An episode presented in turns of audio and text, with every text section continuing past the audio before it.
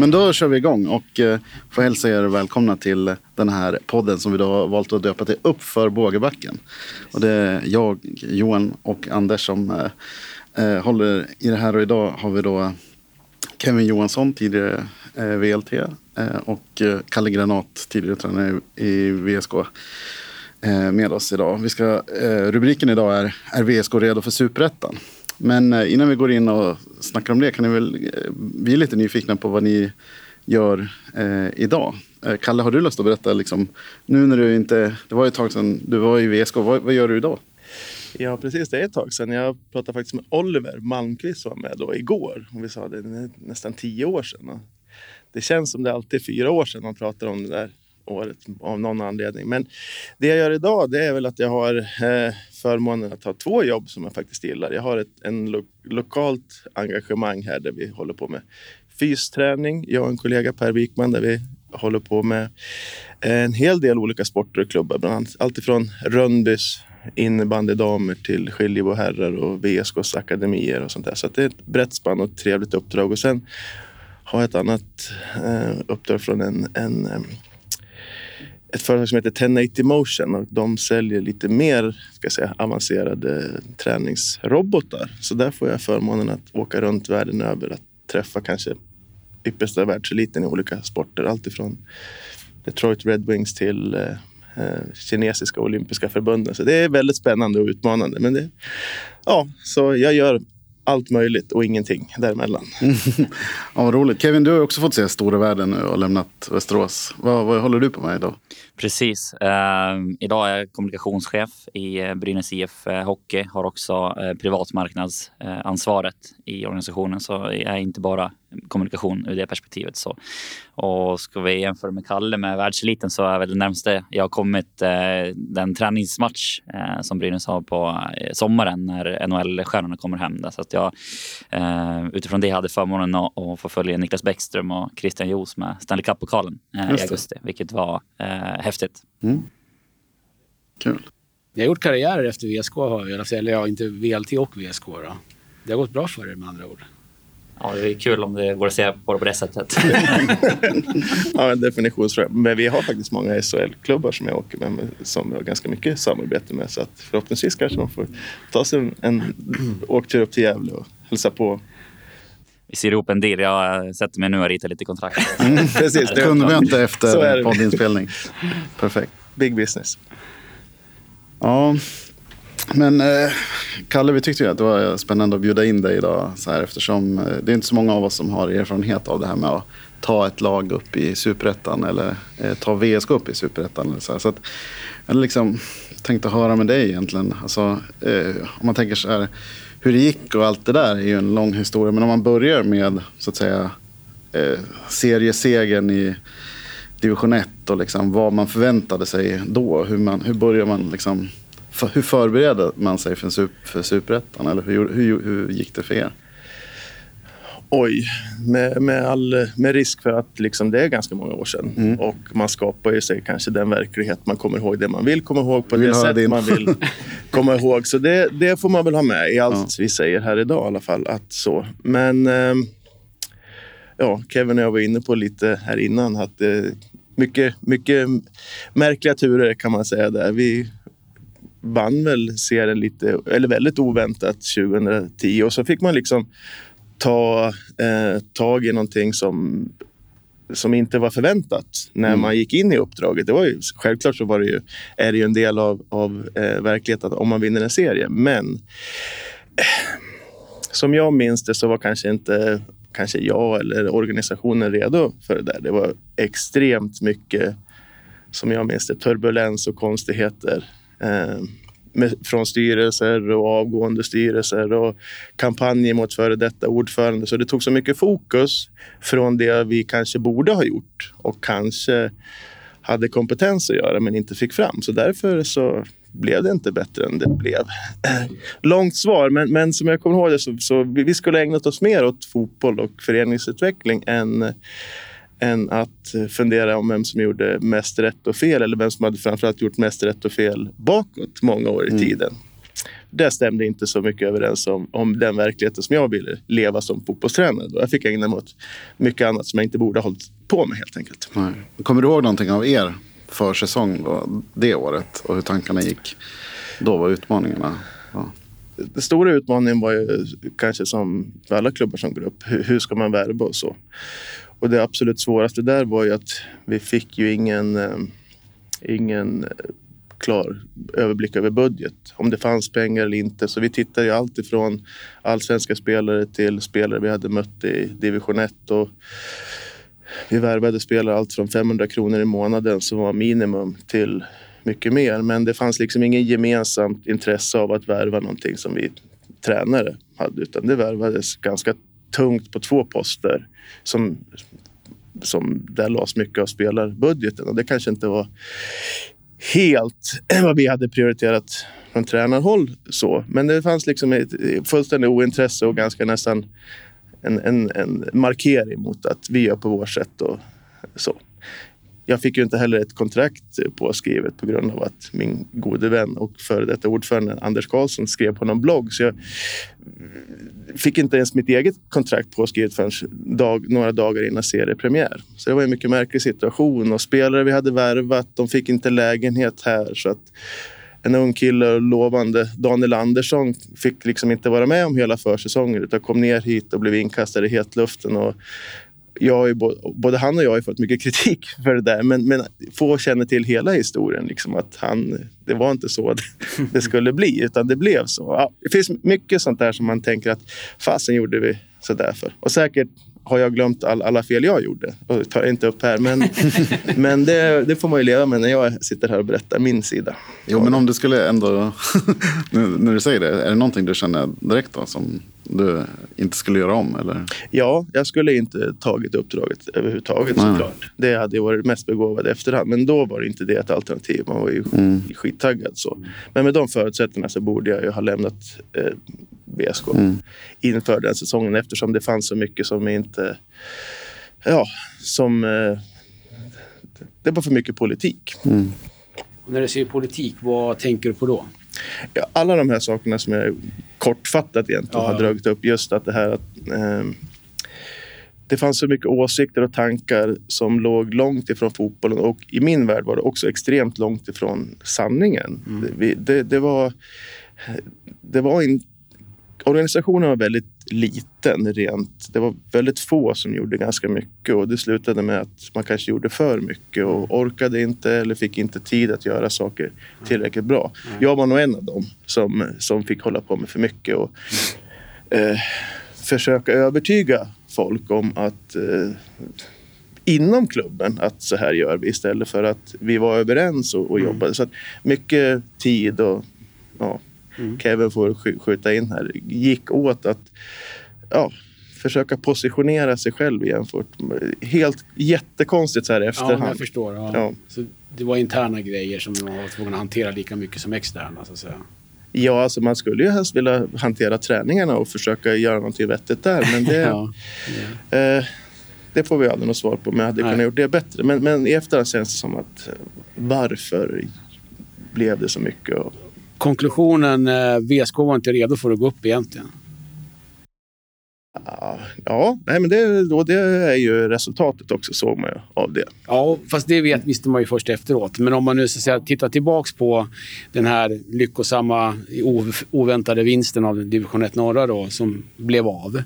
Som ingen trodde på skulle hända. Nej, men ja, man bara ska hoppa in någonting, ja. men det är ju, definitivt så var det så. Eh, nu med och som du sa Kalle, ni, det har gått nio år sedan dess vilket känns helt osannolikt för att eh, jag personligen har så otroligt starka minnen från den här säsongen så det känns ja. alltid som att det var i typ förra säsongen. Ja. Eh, men, men med ytterligare nio års erfarenhet då för mig själv sen, sen det här så är det tydligt att, att organisationen och professionalismen i VSK inte fanns där. Eh, vi kan prata på detaljnivå kanske och det kanske vi kommer göra här idag om, om individuella spelarrekryteringar och så men eh, övergripande så är det tydligt att att den organisationen inte räckte till för att till exempel möjliggöra för en bättre spelarrekrytering. Och, mm. eh, vi kommer ihåg allt möjligt, alltifrån att det var försäsongen i plåthallen, liksom hade det gått att träna någon annanstans för att mm. slippa vissa sen skador som blev alarmerande för den säsongen. Och, jag menar, Kalle, du var ute, kanske inte var just superettuppstarten, men under division 1 där var du ute och sålde till exempel. Ska en huvudtränare, en av svensk fotbolls då hetaste upcoming huvudtränare, vara ute och sälja samtidigt som man ska få laget att prestera. Det, jag tycker det är ett sånt här minne jag har som är ganska talande för att organisationen inte var där, där den skulle vara. Nej. Så konklusionen, vi borde aldrig gått upp egentligen. Nej, men du har i alla fall rätt när du säger att du inte skulle tagit uppdraget. Sen kan man välja, skulle du ha, nu eh, minns jag att, att det var hårda diskussioner där kring hur mycket ska klubben investera och vilka spelare, men du får ju två alternativ. Antingen skulle du inte tagit det eller härjat ännu mer för att eh, möjliggöra eh, en spelartrupp. Och med ordet härjat, då, alltså, ja, ja. Det, det, är ett starkt ord, som, men det jag menar är att, att driva på liksom ännu mer. Ännu mer ja, för att eh, kanske fanns vissa viljor som ville värva en typ av spelare och, och någonstans mm. till syvende och sist det är ändå tränaren som ska, som ska men, ha det laget. Men erfarenhet av era, alltså, det låter ju som att när det finns massor med viljor som ska hålla på och tänka runt spelarrekrytering, är det bra det? Alltså i en klubb tänker jag då. Alltså det, eller vem är det som ska bestämma spelarrekryteringarna? Jag, jag, tycker inte det. Alltså, viljor finns. Annars hade man inte haft en förening om man inte fanns ett intresse. Nej. Och sen så i fotboll så kanske det är väldigt många som just har intresse runt spelare. För det är ofta det häftigaste. ja, ja. Det är lite därför man har hamnat där någon gång och ett genuin kärlek till fotboll. Så. Men en diskussion är ju aldrig ett problem. Sen får man enas om ett beslut. Och vi kanske hade diskussionen men kom aldrig fram till ett gemensamt beslut. Eh, utan man fick förklarat för sig i efterhand. Det här är det du får.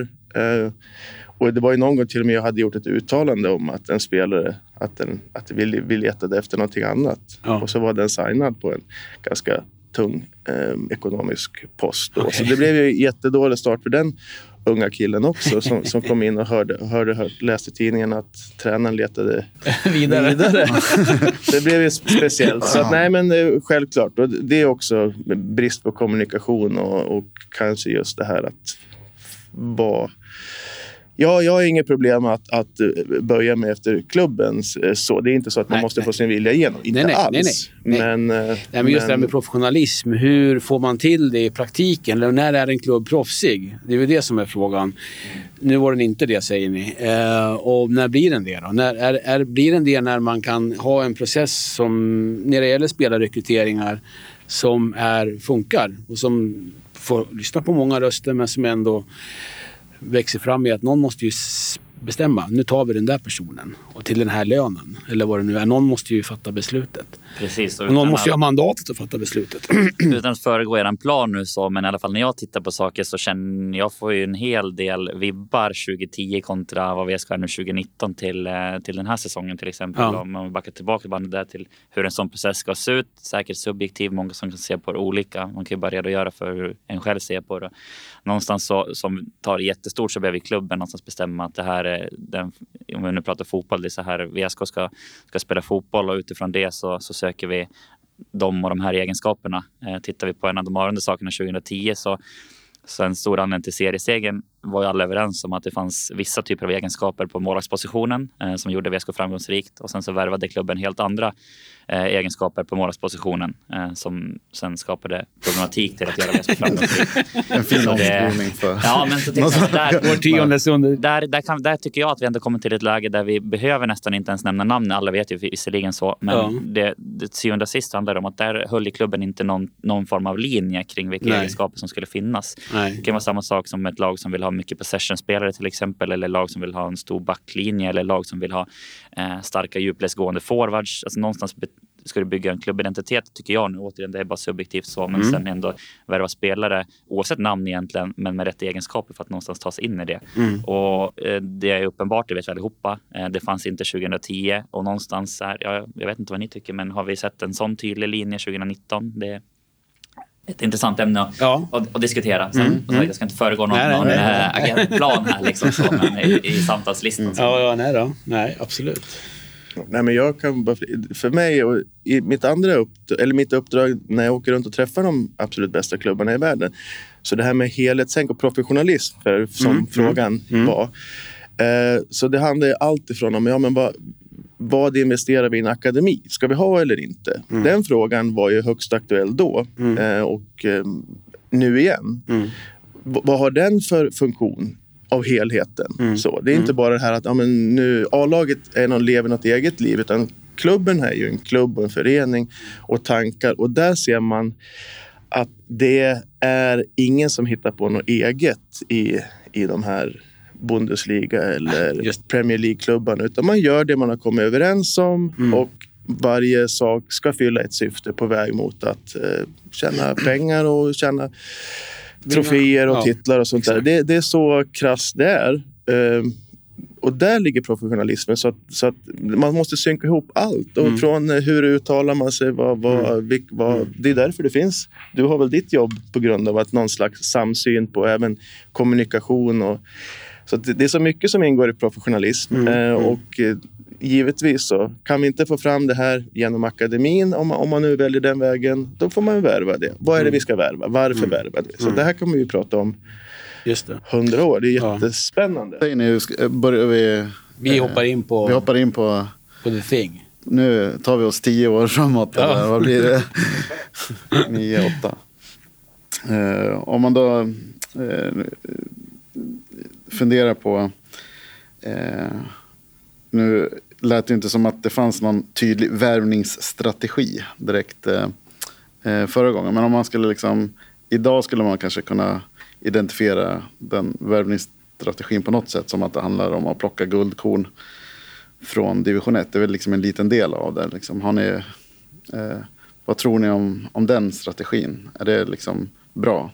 En bra eller, det är många som har efterlyst så här, fler eh, rutinerade spelare, lite olika sådär. Men, men de stora värvningarna man har gjort i år har väl varit liksom division 1. Kevin, vad tror du? Och jag fick äran att börja när jag ja. var fotbollsexperten till vänster. Ja, men han ville få tänka lite till. Det ja, det... Tydligt är ju att, eh, som du säger Johan, att VSK har etablerat en, eh, en strategi nu. Eh, det kan vi se eh, på de värvningarna. Sen eh, är det rätt eller fel. Eh, jag tror absolut att det finns en stor uppsida i det. Jag har ju själv under många krönikor i under tiden på Hjälte drivit linjen att, att hitta spelare som är dominanta och spetsiga eh, på kanske mm, ja, någon lägre nivå. Vi såg ju och extremt tydligt eh, 2015, drömhösten, vad det kan betyda. Eh, visserligen var det då i division 1, men om vi omsätter att det signades division 2-spelare, typ Karvan.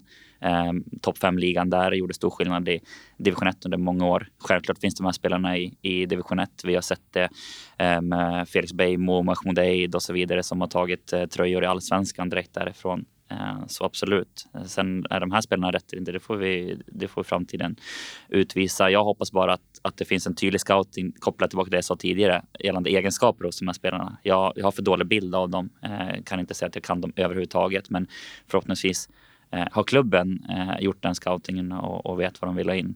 Eh, sen för att eh, runda ihop min poäng här nu så tror jag ändå att man kanske inte bara ska göra det ena eller andra. Jag är fortfarande den åsikten och kommer vara den åsikten att, att VSK under många, många år har saknat den här eh, härföraren på centrala mittfältet. Och jag, mm. hade inte, jag personligen hade inte gråtit floder om det var en, en spelare som hade eh, erfarenhet och hade gjort saker också. Mm. Eh, men jag, jag, tar hellre en dominant spelare i, i division 1 än någon som har suttit och rostat på, på bänken i, eh, någon annanstans eh, högre upp utan att ha gjort någonting senaste året. Mm.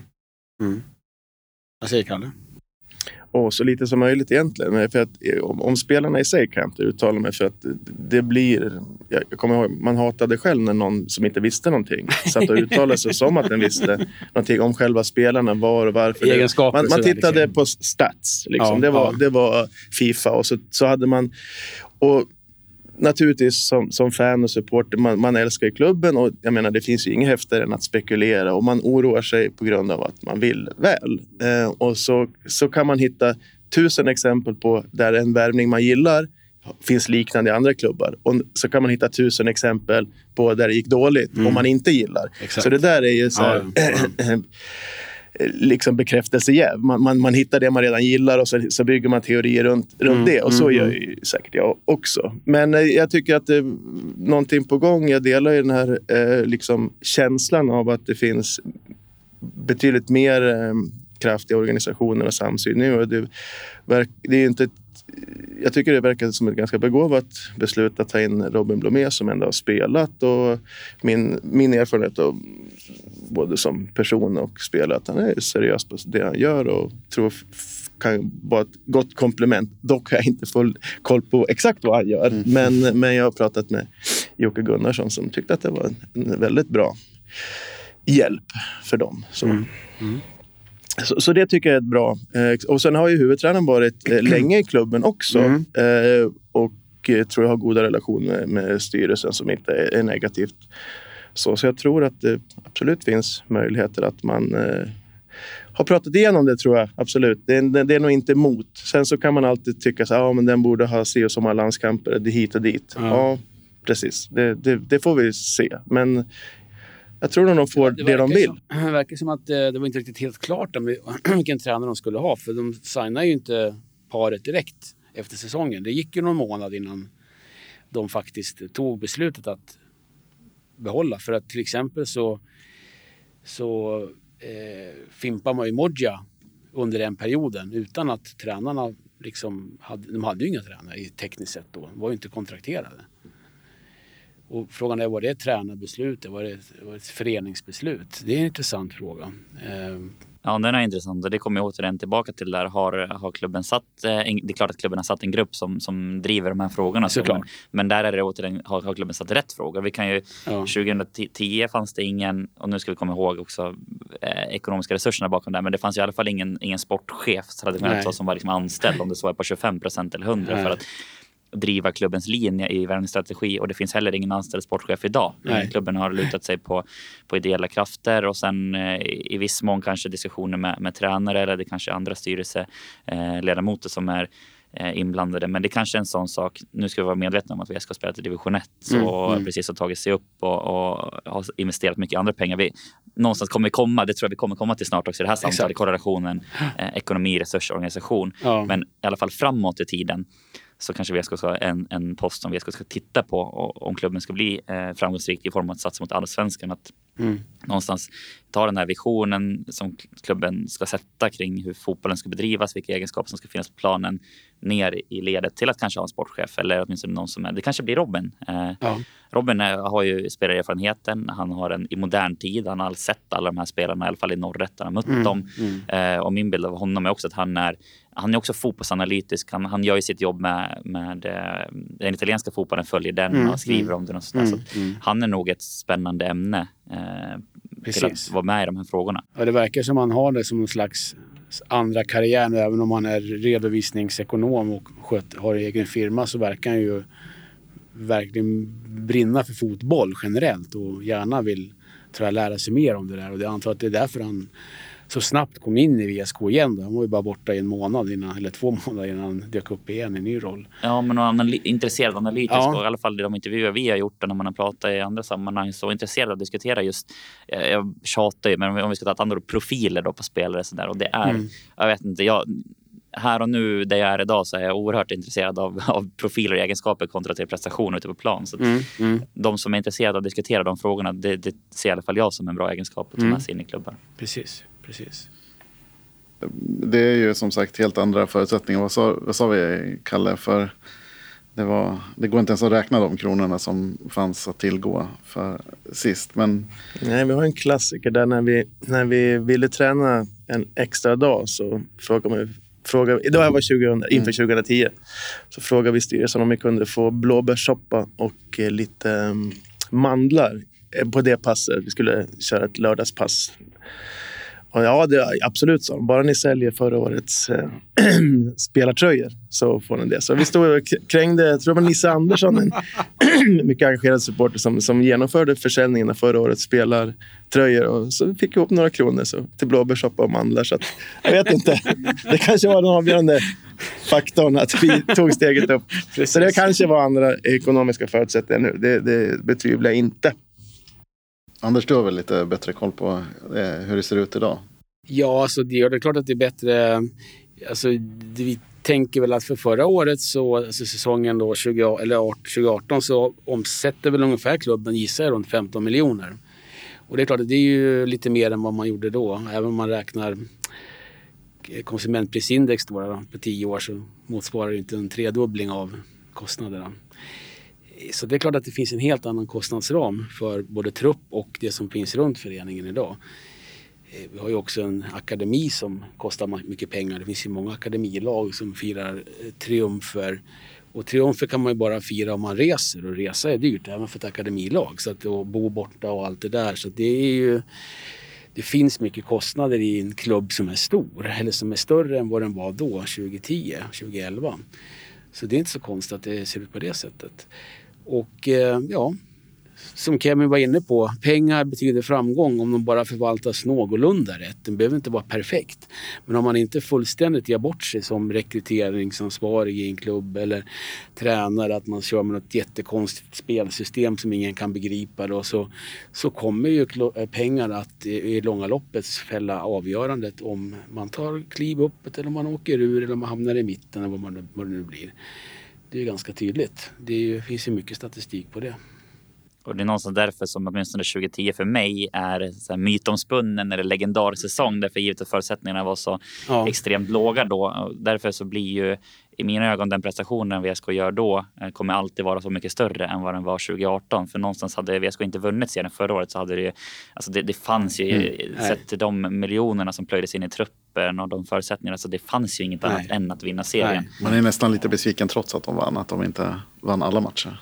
Ja, det var det som var speciellt i början efter sex raka vinster. Då förväntar man sig att de kommer gå rent i år. 30 matcher. Sen där kan man ju väga in och det har väl jag varit ärlig med i, liksom, i mina åsikter och vad jag har sagt ut och så att man hade kanske kunnat förvänta sig lite till spelmässigt så, mm. eller i alla fall den här utvecklingen så sett de, de investeringarna som gjordes, sett vilka investeringar som har gjorts i, i liknande klubbar och sättet de har vunnit serien på så jag må väl vara lite pessimist, men jag, jag, kan ändå inte sträcka mig till att vara så pass färdig att jag anser att VSK vann serien på samma sätt. Eh, så det är kanske lite mot IK Frej-hållet om vi ska hitta liknande. Mm. Men, men ja, jag tycker i alla fall att det är intressant att, mm. att diskutera de, de förutsättningar som finns. Och, och framförallt så betyder det här nu att det finns förutsättningar att göra saker framöver. Och det är ändå det mest intressanta. Så vi kan alla minnas eh, tillbaka på de fina tiderna. Men det är ju vad, mm. vad händer härifrån nu när plattformen finns igen?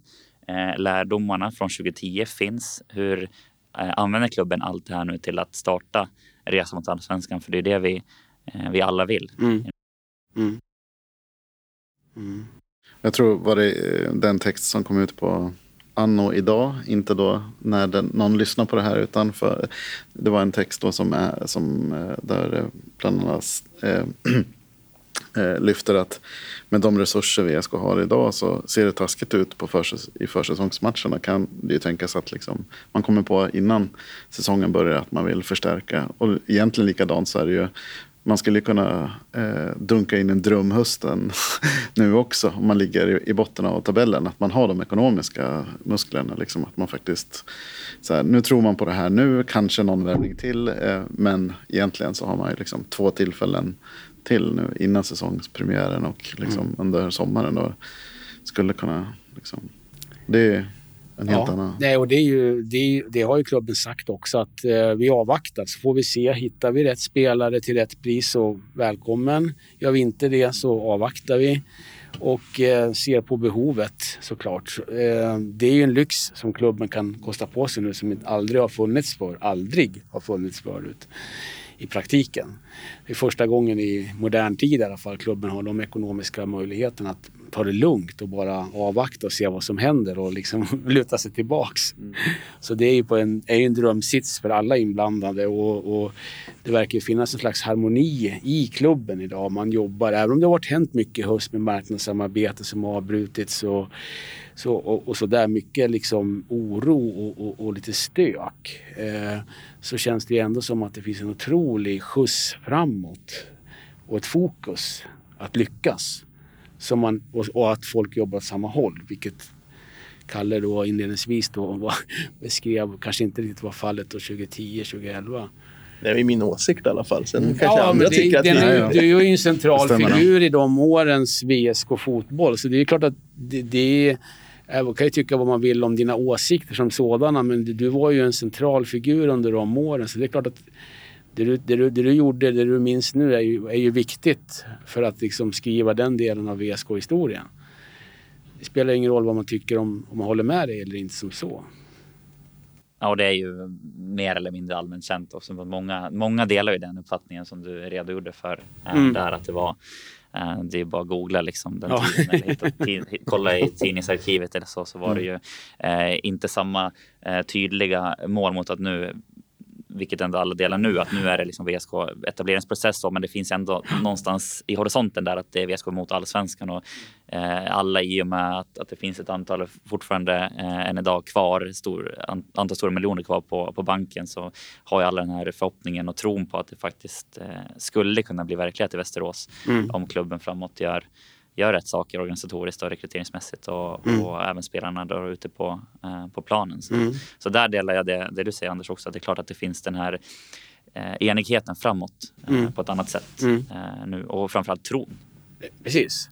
Och en del i tron handlar ju om pengar som sagt För hur en resultat kommer till av pengar Eh, klubben har ju kommunicerat flera gånger de sista bara veckorna här att det går väldigt bra i deras marknadsarbete.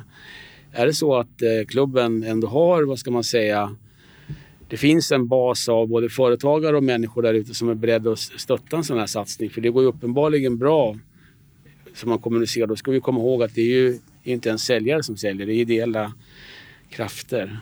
Ehm, så uppenbarligen, jag vet inte, men det går ju uppenbarligen bra. Att företagen nappar på de erbjudanden de får då om om att stötta VSK Fotboll i den här resan då uppåt. Men intresset har ökat liksom år för år mm. det, nu på senare år. Alltså, eh, jättebra publiksiffror i premiärerna som ibland har hållit i sig några matcher också. Och intresset som kom med, eh, med Mjällby och bra resultat och, mm. och, och sådär. Liksom. Så jag tror att det också... Det... Var Mjällby en sån där vattendelare? Att då börja en ny era, när han kom mm. som känt namn till klubben efter har räddat, att klubben var kvarräddad 2015 då med lokala krafter, om man får säga Markstedt och, och Leffe som, mm.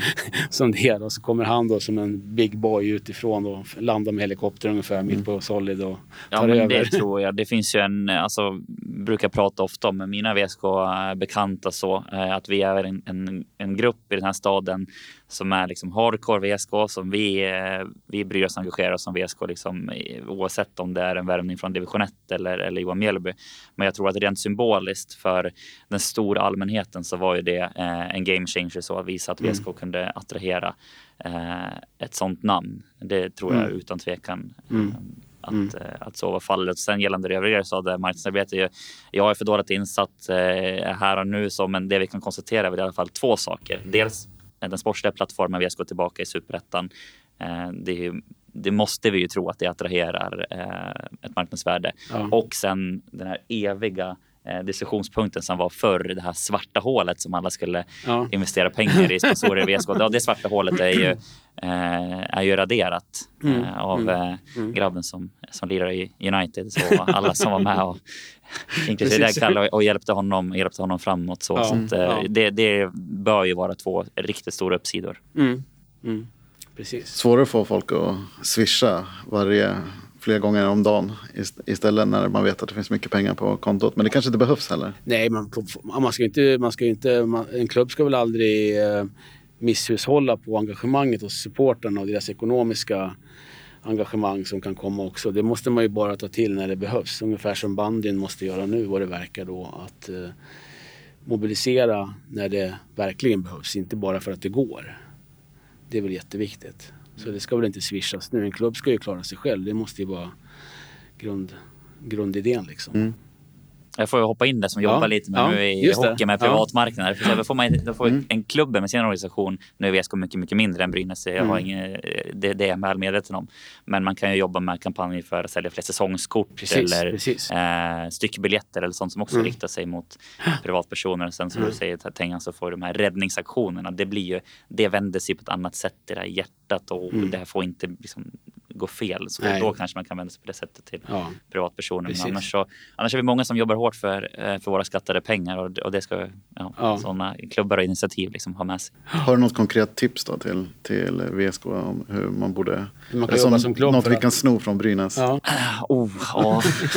som jag precis sa så sitter jag och jobbar med de här frågorna. Jag, jag har väl inte får... utvecklat eh, alla svaren. Du kan skicka men, över planen sen när du är klar. Mm. Precis. Nej, men det är väl just, eh, just kring, kring att hitta sätt med säsongskort och kanske paketera ihop eh, olika matcher. Kan vi ja, men lyfta en sak som för att ta något konkret som vi gjorde. Då, eh, I hockey så, där, så, så många arenor är byggda på samma sätt och även fotboll så har du olika etage och ju högre upp det kommer eh, så är ju efterfrågan mindre. Mm. Då hade vi någon sån match där vi valde ut en läktarsektion som inte är den allra hetaste. Och sen tillsammans med en partner då så eh, tog priset från eh, någonstans 250 kronor till 49 kronor eh, på den sessionen och gick ut med den grejen och eh, hela sessionen sålde slut 160 platser visserligen då. Mm, mm. Så när jag säger hela så, men 160 platser såldes slut, sålde slut på en kvart. Mm. Eh, så att ja, om man kan ta det och sen ja. vända vrida på den och hitta det är lite grann som Bayern har gjort för att få publiken till, till Tele2. Ge billiga priser, ta med dig dina kompisar, bla bla bla och sen bygga intresse över tid. Ja, men jag, precis, jag tror jättemycket på differentierade priser. Om man ska titta mm. på, på arenan vi blickar över nu, Solid Park, så till exempel central långsida eh, på sitt plats. Den kanske ska vara liksom vara lite mer exklusiv. Den kanske kostar lite mer och sen ju längre ut på kanten den kommer kanske det ska differentieras till mm. ett annat pris. Ja, men hela tiden jobba mm. med det här att skapa. Vi lever i ett individualistiskt samhälle. Mm. Det tror jag vi är överens om allihopa. Mm. Alla har olika förutsättningar så att försöka hitta något för alla. Mm. Mm. Yes. Mm, ska vi prata? Eh, är det någon som eh, vill säga något vad gäller eh, årets liksom, skulle vi ta startelvan? Eller? Ja, vi kan ta den på slutet. Jag, För, jag, har, okay, fått en siff, jag har fått lite namn här. Lite, Men lite eh, jag tänkte, Kevin var inne på att du, om man skulle liksom förstärka den truppen som den ser ut så här långt så vill du ha en, en profil med rätt egenskaper, med erfarenhet på centralt mittfält. Är det, är det det som, som saknas? Ja, om, om, vi tar bort profil, därför att jag, jag är egentligen totalt ointresserad av namnet på spelaren. Ja. Men däremot så, så, skulle jag vilja se de egenskaperna. Nu, nu återigen, jag kan inte um, Visst är det Filip Ottosson, mm. Eh, värvning mm. från Eskilsminne. Mm. Jag har aldrig sett honom spela. Eh, jag har försökt googla eh, och få en bild av vilka egenskaper han, han har. Jag vet inte hur bra han är. Är han dominant på söderettanivå? Är han startspelare där? För mig är det en väldigt, väldigt stor skillnad på att vara startspelare och dominant. Men skulle det vara ett, ett jättefynd så kanske han täcker upp de här egenskaperna som jag saknar. Men det, det jag har saknat de senaste åren, det är ju Eh, alla vet vad Simon har bidragit med eh, på planen mm. Eh, utifrån hans egenskaper. Och sen har vi haft Jonas, Boris, Carlos utifrån mm. deras egenskaper. och det enda jag saknat är en lite större uppsättning dynamik egenskaper. Det kanske har funnits andra egenskaper att hitta. Till exempel tänker mig någon som rör, rör sig över väldigt stora ytor, är extremt aggressiv, älskar duellspel. Mm. Eh, lite den spelaren eh, på det centrala mittfältet har mm. jag saknat. Mm. För det tror jag vi kan vara, eller vi behöver, vi behöver inte vara överens om det, men jag vet att Sportbladet i alla fall gjorde en, en seriös eh, utvärdering av eh, vilken, vilken impact, alltså påverkan det centrala mittfältet har haft på lagen som har vunnit SM-guld mm. eh, i svensk fotboll på 2000-talet. Och någonstans, de, den som har gjort den undersökningen är också subjektiv och som du sa Kalle, hittar sin egen sanning. Men ändå om vi ska lita på någonting så var det en väldigt stor påverkan på mm. ett, ett mittfält, ett centralt mittfält har på resultat. Och, ja, VSK har ju själva, menar, som ni sa, de har ju valt att, att bryta med en spelare som var central i förra årets eh, lagbygge eh, utifrån motiveringen att vi söker andra egenskaper. Mm. Eh, så sen om de har värvats in eller inte, jag vet inte. Precis. En tio år yngre Micke Gustafsson med, så, nej. Jo, men eh, ja. absolut. Micke har ju många egenskaper som jag subjektivt tycker om som fotbollsspelare. Mm. Eh, utan tvekan. Eh, och sen mm. en, en, en, den typen av spelare som med, ja, vi har så bred eh, trupp så han kan vara liksom, avstängd var tredje match också. ja, precis. Nej, men, jag menar, min drömvärvning var ju Andreas Östling såklart. Ja. Eh, ja. Jag är väldigt förtjust i, i honom som, som spelare. Där pratar vi om rör sig över stora ytor. Eh, det är det jag menar, det behöver inte vara många kilon. Han är mm. varken längst eller tyngst ute på planen. Men han går in i duellerna med det största hjärtat i alla fall. Ja. Mig veterligen. Så jag har inte sett så många mm eh, sådana spelare som går in hårdare i delen än, än vad Andreas gör och spelar med mer passion. Mm. Så mm. tyvärr så verkar han ha, om vi nu ska diskutera namn och exempel, mm. ha rotat sig väldigt, eh, väldigt mycket i, i um, Göteborg och, och trivs bra där. Och ja. tillhör ju också klubbar som, som precis som VSK är, är av dignitet eh, mm. på den nivån. Men ja, lite grann åt, åt det hållet. Men nu blir det snackigt för mig, men det jag kommer fram till är, mm. här behöver klubben då identifiera, det är det här jag menar med sitta här och ändå verkligen om vi ska vara hyperärliga så med ambitionen och viljan att vi ska till allsvenskan och ta rätt beslut som organisation. Så är det bara har VSK bestämt sig att, att det är de här egenskaperna man går in i truppen med som ska ta VSK att hålla, hålla sig kvar i serien till att börja med och sen etablera sig. Det här kan bli lite så här, som du säger Johan, självklart VSK har möjlighet ekonomiskt att värva i sommar. Men har, har, man gjort det här jobbet för att veta att är det den bästa investeringen att vänta nu lite grann och ut, utvärdera försäsongen också? Eller skulle man ha gjort den här värvningen redan nu och bestämt sig för att ja, men det här är bästa investeringen? Jag har ju absolut inte det svaret. Mm. Jag säger inte att vi ska gjort fel. Mm. Men jag säger att det är intressant att prata ja, om. Absolut, så är det. Kalle eller Anders, har ni någon... Eh... Kalle? Något så Nej, men alltså, pratar om värvningar. Jag, jag, tror att man måste ha en vision av vilken typ av fotboll eh, kommer man behöva ägna sig åt som nykomling. Så, så får man sätta truppen kanske lite efter det. Vi ska inte älta det där eh, värvningen av, av eh, målvakt förra gången. Men vi förväntade oss att vi hade ett ungt lag vi, jag hade i tanken att jag skulle nog inte vara speciellt mycket spelförande med det laget utan ägna oss åt mm. omställningar på duktiga spelare. Vi kan ta Filip Troné och Mattias Mete som om någon mm. överhuvudtaget kommer ihåg dem. Ja, Troné kommer man väl ihåg i alla fall. är aktiv. du kan inte säga att de Mete Gold om han lyssnar på det här. Nej, alltså, nej. Han, nej, han är inte glömd. Jag tänkte mer, han, har ju, han är ju inte kvar i VSK dock. Nej, nej. Fantastisk kille. Bra Mete. Ja. Mm. Nej då, men eh, då vill ju jag ha den Eh, typen av målvakter som var, hade lite mer rutin, hade en väldigt lovande ung backlinje. Eh, många av dem har ju gått vidare och spelat högre upp efterhand. Så det var, var väldigt lovande och bra. Fin utveckling, några där. Men, men då fick vi precis motsatsen. Inte ens en svensktalande keeper som inte hade, kanske hade skottstyrka som sitt, eh, sitt främsta egenskap och var väldigt duktig på det. Men vi hade tänkt att det är nog mer inlägg och sätta press på det här lilla unga laget mm. med bollar matan in. Så att vi hade ju Oskar Wahlström som var väldigt, som Kevin var inne på, fyllde just den rollen. Vi var ju unga även när vi vann. Mm. Eh, men vi hade inte värvat någon dramatiskt mer rutinerat. Så, så att eh, de tankarna bör man alltid ha med sig. V vad bör vi ägna oss för fotboll nu för att faktiskt, jag gissar att spela superettan nästa år. Och sen så kan man ta kliv mot allsvenskan därifrån. Mm. Um, ja, och, och, hur det tänket, där har jag ju inget svar som är bättre än annans. Men så gick alla tankarna i, mm. när jag tänkte på det förra gången. Mm. Om man får ett önskemål här som vi ska adressera. Det här samtalsämnet vore ju fantastiskt om, om ni eh, i kommande avsnitt här pratar med med sportsligt ansvarig och, och ordförande i mm. till exempel så mm. får höra de här Absolut. frågorna. Det är en, mm. eh, jag har ju varit på mina gamla kollegor på, på VLT också och skickat sms att nu när jag själv inte har möjlighet att vara här personligen och ställa de här frågorna som jag är så nyfiken på så sagt att ni måste ställa de här frågorna. Absolut. Så att, ja, ja. Får försöka. Nu äh, ger jag dem till er också. Absolut, jag tack för den pucken. Vi, vi tar den. Eller ja, det var ju en puck då, inte en boll. Mm. Men, ja. Det, går att säga både Passning så har vi en ursäkt. Ja, okay.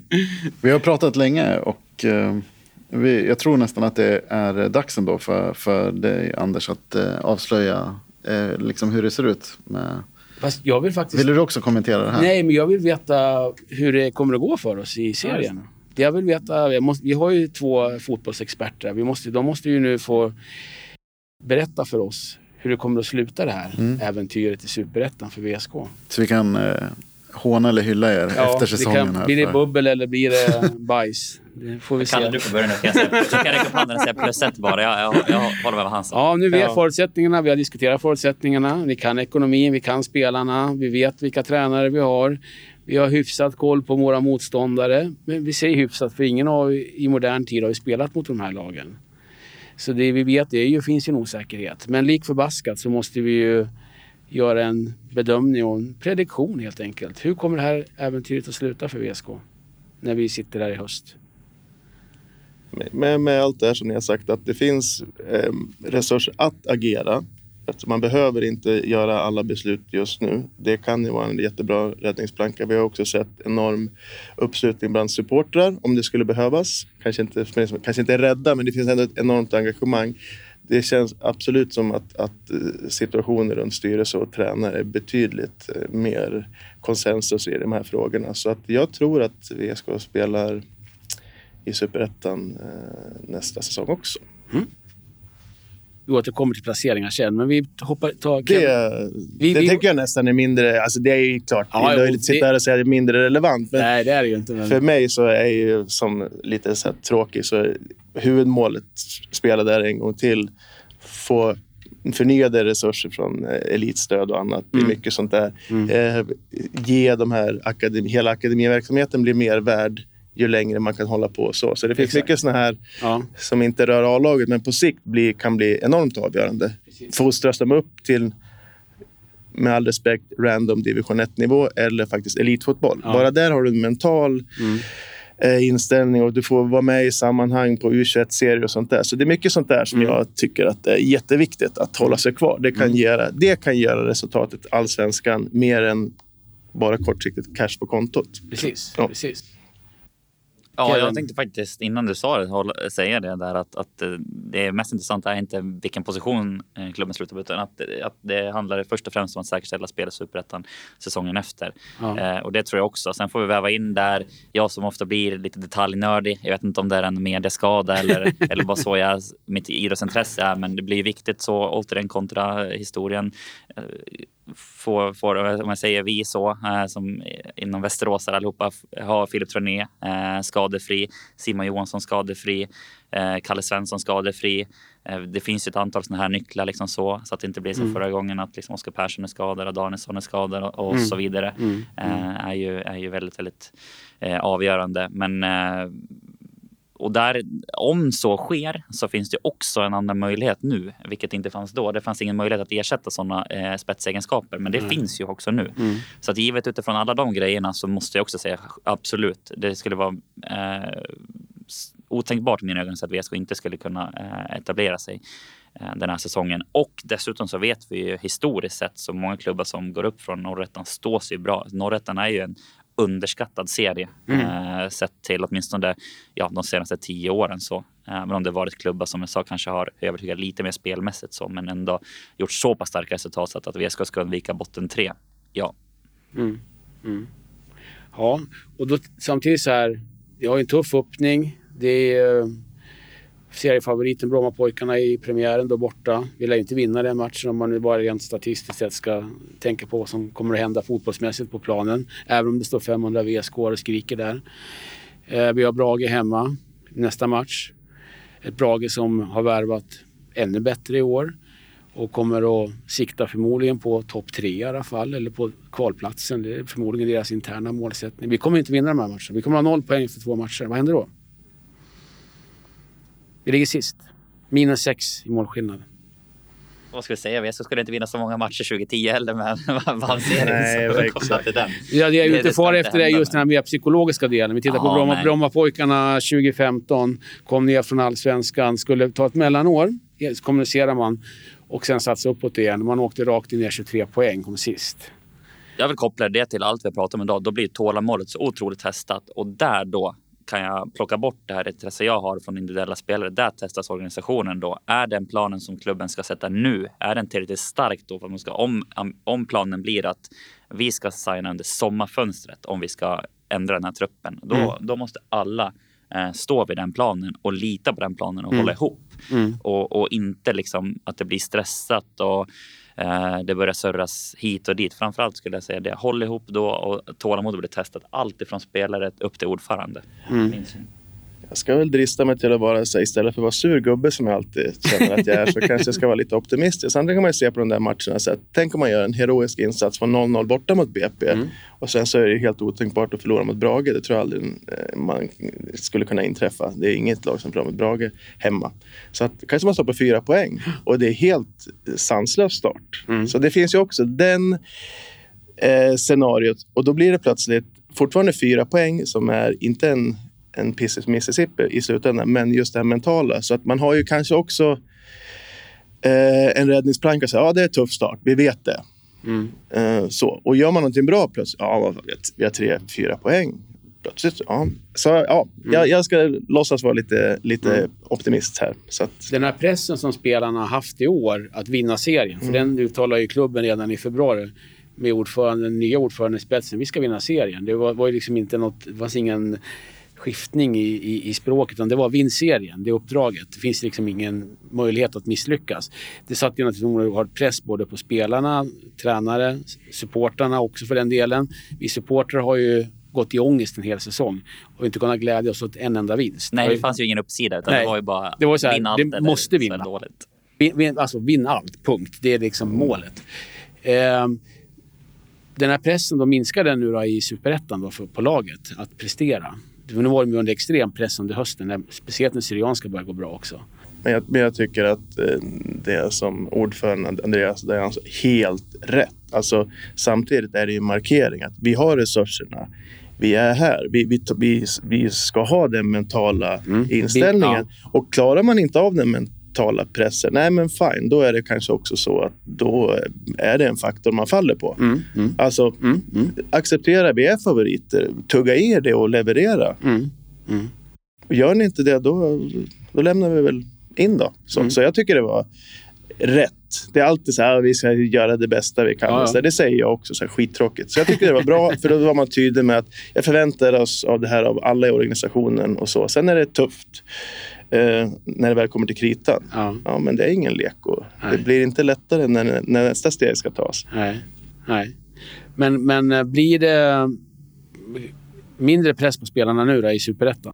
Det blir en annan typ av press i alla fall. Nu blir pressen att undvika att ligga under strecket. Därför att då kommer eh, alla som är engagerade i klubben, då kommer surret och ja. det blir hela stan surrar. Är de inte bättre? Och så kommer det här måste värva här och sen så blir det någon spelare som blir lite eh, syndabock att på den här positionen håller VSK inte. Mm. Eh, och så där. Så där blir det en, en, annan press. Men det blir inte den, de måste vinna eh, varje match. Eh, samtidigt Nej. så det, det vi som diskuterar fotboll ofta glömmer är att spelarna sätter en press på sig själva också. Ja, jag ja. som har haft förmånen eh, under förra säsongen att få vara med till med, i omklädningsrummet eh, under mm. matcher så vet mm. jag att, att vi ska ha ett bra omklädningsrum. Eh, det finns många med bra huvud där inne som, mm. som driver sig själva hårdare än vad någon annan någonsin kommer göra. Ja. Eh, sen kommer de alltid påverkas av hur diskussionen går i stan. För det är inte bara, eh, det är inte bara Facebook eller Twitter eller eh, vad som står i tidningen utan det är den här totaldiskussionen när de går på mm. stan eller vad de hör från sina polare eller, eller hit och dit. Men eh, mm. jag vet eh, att det finns många spelare där i omklädningsrummet som eh,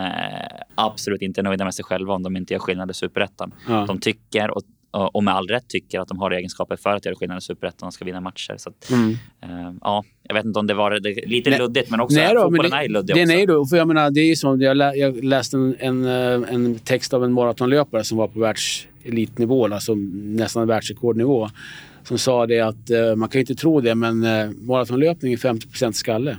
Sitter här uppe hur snabbt jag kommer att springa, inte vad mina ben klarar av att förfly förflytta sig stegmässigt. Det är en, en aspekt, men resten, 50% sitter i huvudet. Mm. Och det är ju likadant, då tänker man om det gäller maratonlopp där man bara tror hur konditionen spelar roll hur snabbt jag kan springa från punkt A till B. Då tänker man på 11 spelare ska prestera tillsammans på en fotbollsplan. Vad, vad psykologi och mindset gör då för att lyckas eller misslyckas. Och det är väl det. Alltså det finns så många fallgropar. Det är väl det man är rädd för. Eh, det finns många vägar att vinna och det finns många vägar att förlora och att det går till skogen också.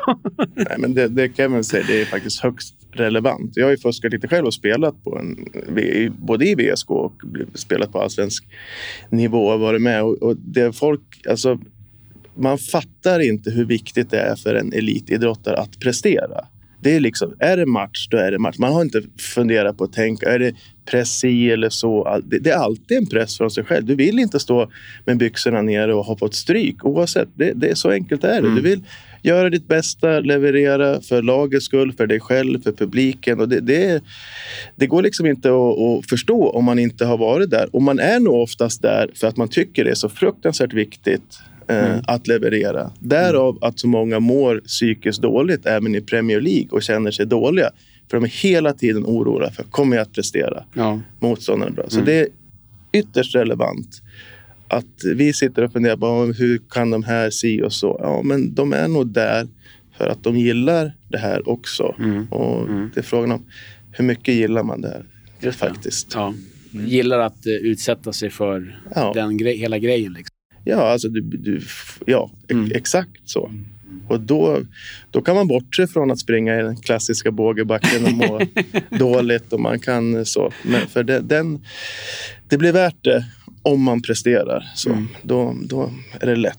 Då är det lätt, ja. Precis. Exakt. Ja.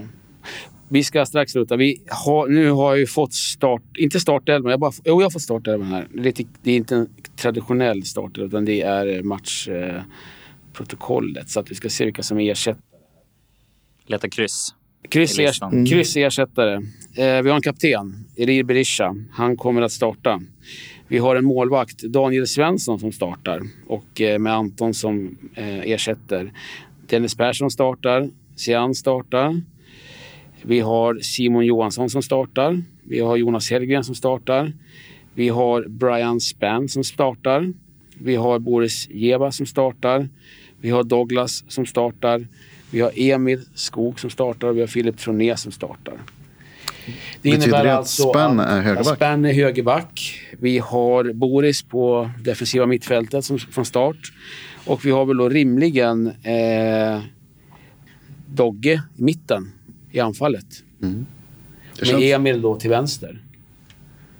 Spännande. Jag eh, kommer ju inte ha möjlighet att eh, se den matchen live. Jag ska se den då via min tidigare arbetsgivare som, mm. som sänder utan att göra för mycket reklam.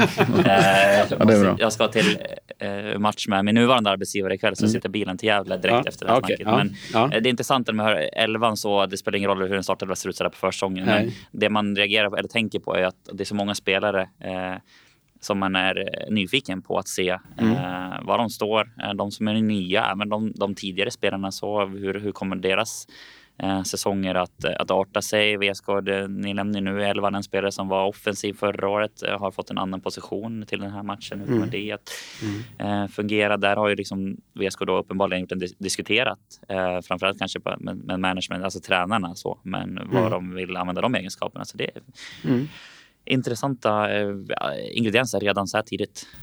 Det där blir väl inte startelvan mot Brommapojkarna skulle jag tro. Utan det här det känns som... Ja, nej, kanske. Nej, kanske, nej ja. det beror på. får vi se. Nej, det, tror, det blir det väl inte. Utan det kommer väl att bytas i halvtid också. Men Brian Spann, funkar han på högerbacken då?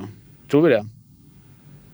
Ja, utan att diskutera för mycket kring, kring en spelare sådär. Men eh, han eh, gjorde, hjälpte ju eh, vi som minns det, han hjälpte Kevin Kustovic väldigt, väldigt bra defensiva, i det defensiva ja. arbetet, Syrianska FC borta eh, mot Martin Motumba förra säsongen. Det ska tilläggas då att Motumba avslutade säsongen sämre, men han var ju då var han, bra eh, han var riktigt vass de första mm. tre matcherna. Mm. Eh, kommer ihåg ett, om det var ett jag såg i alla fall matchen som Syrianska spelade innan VSK där han mm. snurrade fullständigt. Så, så att, mm. Eh, mm. ja, det är en spelare som har varit på, hög, liksom på, på bra nivå eh, under många år så han säkert lärt sig att ta ett ansvar. Jag, om vi säger så här, kort sätt, jag förstår att vi ska testa honom på den positionen. Ja, så jag behöver inte säga mer än så. Nej, jag förstår att de behöver honom. Och, och Dogge i mitten då?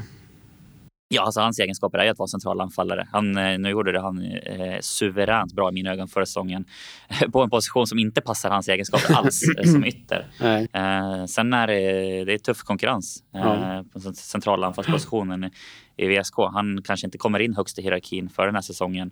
Sen är det ganska häftigt och kul när hierar hierarkiska positioner bryts. Eh, minns att Filip Troné var högerback i, i VSK Fotbolls juniorlag innan 2010. Helt plötsligt så var han, eh, var han höger eller vänsterforward och, och lagets bästa målskytt. Så saker och ting kan, saker och ting kan hända. Precis. Mm. Vad, vad, tror du, Kalle? Känns det som en uh, spännande uppställning för, för, uh, för premiär, premiärmatchen för försäsongen. Ja, alltså, för att inte veta någonting om, om någonting så kan man säga att man måste också ge tränaren lite utrymme. Det kanske är så att de har ett stort frågetecken. Kan mm. han inte? Ja, men vad ska man göra då? Ska man inte testa i en träningsmatch? Jo, det är ju det man gör. Mm, det kanske går skitdåligt och då gör man ett byte till halvtid och sen så har man fått ett litet svar. Ja, så ja. tänker man kanske om eller så. Mm. Så det är inte mer dramatiskt än så. så nej, att det, det, det, är bara jättekul för att man har, det, här sitter man, det här är ju extra kul för att nu har det ju gått så mycket och man vill se. Ja. Vad, vad, man vill öppna julklappen lite grann. Mm. Alltså, åtminstone. Så det, det är nog mer så för, ja. för oss runt omkring. För dem är det, men det här vill vi kolla av nu mm. med det vi har tränat. Mm. Eller mm. inte. Ja. Okay. Så tänker man som tränare tror jag. Ja, mm. Spännande. Ja, vi får se hur det går helt enkelt. Ja, hur som helst är det ju fantastiskt kul att, eh, att det går igång. Det är ju genom att sitta och prata om de här sakerna, det är det som gör elitidrotten, ja. framförallt fotbollen och hockeyn, så stor som den är i, Sverige, mm. eh, publikt och engagemangsmässigt. Det är det som gör sporterna till eh, vad det är. Ja. Eh, det blir alltid så lite roligt att säga att ah, man ska inte dra för stora växlar. Men om vi, om, vi här, om vi inte drog några växlar av säsongens första startelva, ja. ja då kan vi ju... Då, då spelar det ingen roll. Då kan vi lika gärna skita i det. Ja, då, men då kan vi lägga ner och sen så blir det som att ut och springa spåret. Ja, det blir vad det blir liksom. Ja. Ja, ja, det är klart. Ja, men, eh, om vi tar och avslutar med att säga att det lät ju faktiskt som att eh, om man summerar det här att vi, vi är redo för eh, superettan. Var det inte så? Hyfsat redo. Ja, vi klarar oss kvar i alla fall. Det har de ju lovat nu. Ja. ja. Så att... Eh, då kommer det champagne om, ni, om vi gör det. Annars så blir det jobbigt för er. och sen vill jag måste flika in avslutningen. Redo för superettan, ja. Men det absolut viktigaste nu, i alla fall som jag brinner för, hur gör sig VSK redo för att eh, driva en seriös satsning mot allsvenskan? Ja. Hur använder VSK plattformen och eh, den sportsliga plattformen Superettan, den ekonomiska plattformen som fortfarande finns? Mm hur använder klubben den för att organisatoriskt flytta sig till ett läge där, där vi snart sitter och har en sån här podd och diskuterar om VSK som är på väg upp eller som har gått upp i, mm. i allsvenskan. Jag känner inte att jag är där än mentalt, men det lät, det lät bra. Nästa avsnitt då är vi redo för allsvenskan. Nej, det kan ju vara om ett, ett år eller två år. Men jag menar bara så här, ja, att, ja, nej, men absolut. Att ingen, absolut ingen, jag sitter och vevar med handen här, ingen får vara nöjd med att VSK är, är det klubben är nu. Nej. Direkt härifrån nu. Eh, tog LeBron James eh, hashtag på Twitter, Strive for greatness, att börja titta på fram, mm. framåt också. Ja. Tack så mycket. Tack så jättemycket för att ni kom. Tack, Tack själva.